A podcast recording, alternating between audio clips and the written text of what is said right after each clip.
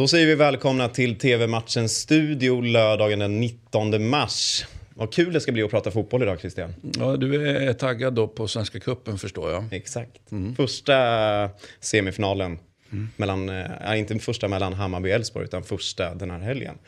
Hammarby-Elfsborg 16.00. Eh, spännande match, mm. fast tråkigt. Två konstgräslag. Det är inte lika roligt. Uh, nej, nej, alltså i en bättre värld hade vi inte haft något konstgräs överhuvudtaget. Då, om, det är det, om det är den diskussionen du vill ha. Eh, vi kan väl bara slå in den ganska öppna dörren. Att det hade varit skönt att slippa det. Men nu är det som det är. Och eh, det kan väl kanske då betyda att de är...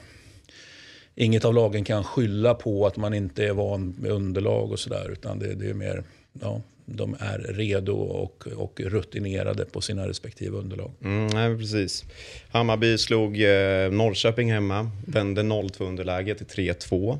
Det är en, eh, skönt att ha med sig det i ryggen inför en Ja, och, det, och det, det, måste det ju vara. Och det behöver man ju när man kommit så här långt fram. Men nu är det ju riktigt bra motstånd och Elfsborg är ju ett riktigt bra motstånd. Så att, eh, det, det, tror jag gör Hammarby gott mm. att komma med den segern, absolut. Däremot ställer man ju frågetecken för att Elfsborg är ju ett alltid målrikt lag. Mm. Eh, kanske inte förra säsongen, men att man släpper in så pass lätta mål mot Norrköping hemma. Försvarsspelet såg inte bra ut.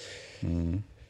Nej, det har väl varit eh, en, en dag, okej okay, kanske inte då förra eh, säsongen som du sa, men, men det finns väl en tradition, eller fanns det under Billborn eller har funnits ännu längre tillbaka, att man kanske släpper in lätta. Men, men det är ju en del av ska vi säga, den obestridliga charmen då mm. Eh, med, med eh, Hammarby i sådana fall. Det är väl lite, vi pratade ju om Sassuolo igår, de kanske är, är så att säga hyfsat utbytbara. De är, det är tydliga eh, spel, nu kanske Sassuolo ser. Men under Billborn i alla fall var det extremt tydligt projekt, precis som Sassuolo. Bara mm. för att göra den jämförelsen.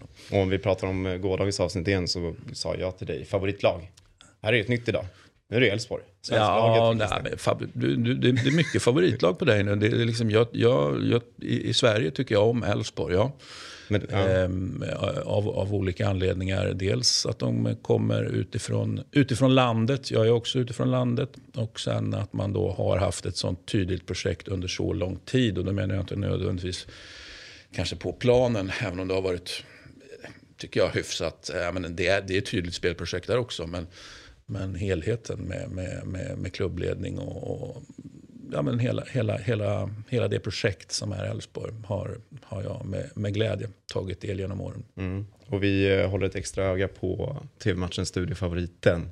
Ja, Tim Running. Det går jag med på, ja. för det är det faktiskt. Vi har ju en favoritkeeper i, med förlängt kontrakt, i, med förlängt kontrakt i, i Allsvenskan. Tim Running då, som, ehm, ja, eh, det är oklart varför vi har fallit för honom, men fallit har vi.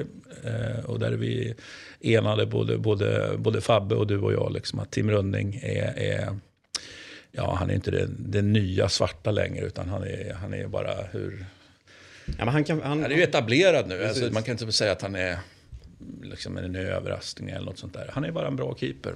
Matchen börjar 16.00 och ni ser den på Simor. Nu till mötet mellan Inter och Fiorentina 18.00.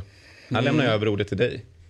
Ja, det blir ju jättespännande att se vad Inter gör av det här nu. För nu, nu är det ju bara tre poäng som gäller. Det, är, det, är, det bara finns ingenting annat. Va? Nu är det så få matcher kvar av säsongen och nu har man drällt, eh, egentligen har man ju faktiskt drällt för mycket. Det går ju att argumentera för att man faktiskt eh, alltså kanske redan har spelat bort sin givna ligatitel genom att göra det man har gjort nu sista, ja, sista månaden, sista en och en halv månaden. Eh, ja, var det här sista hängmatchen eller?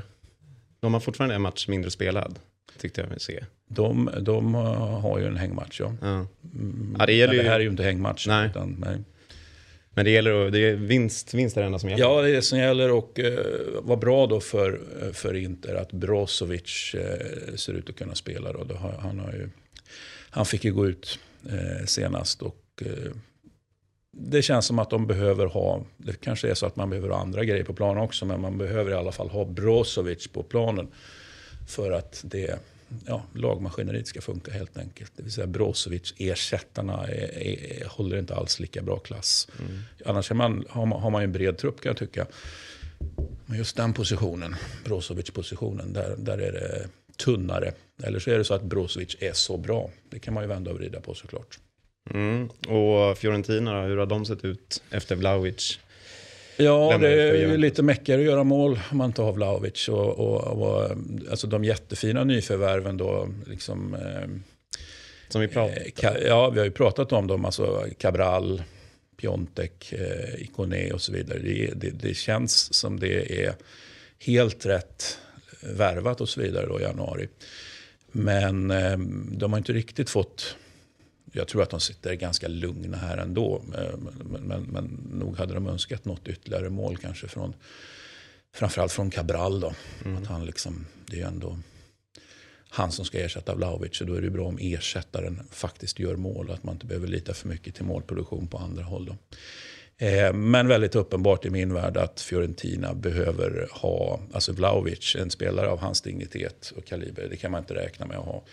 Eh, så, det är som det är. Men man behöver ha eh, Torreira på planen och Torreira har ju varit borta några matcher, var, tillbaka senast nu. Och det ser ju genast mycket bättre ut, håller ihop bättre. Utan att Torreira, nu gjorde han ju förvisso mål, men ta, ta bort målet och liksom spelet kanske inte fantastiskt. Liksom, men hans, hans närvaro och eh, patrullerande på, på innermittfältet är omistligt. Förmodligen lika omistligt, eller ännu mer omistligt eh, om vi tar jämförelse med Brozovic. Då. Mm. Det går ju faktiskt att se att så de respektive situationerna påminner ju faktiskt hyfsat mycket om varandra. Mm. Kan vi, har vi något resultat? Vad tror du? Ja, men Inter måste vinna. Ja, det blir, så Inter blir, vinner. Mm. Inte vinner. Matchen börjar 18.00 och ni ser den på Simor Live. Det var allt för idag. Det var det. Vi ses imorgon igen. Hej!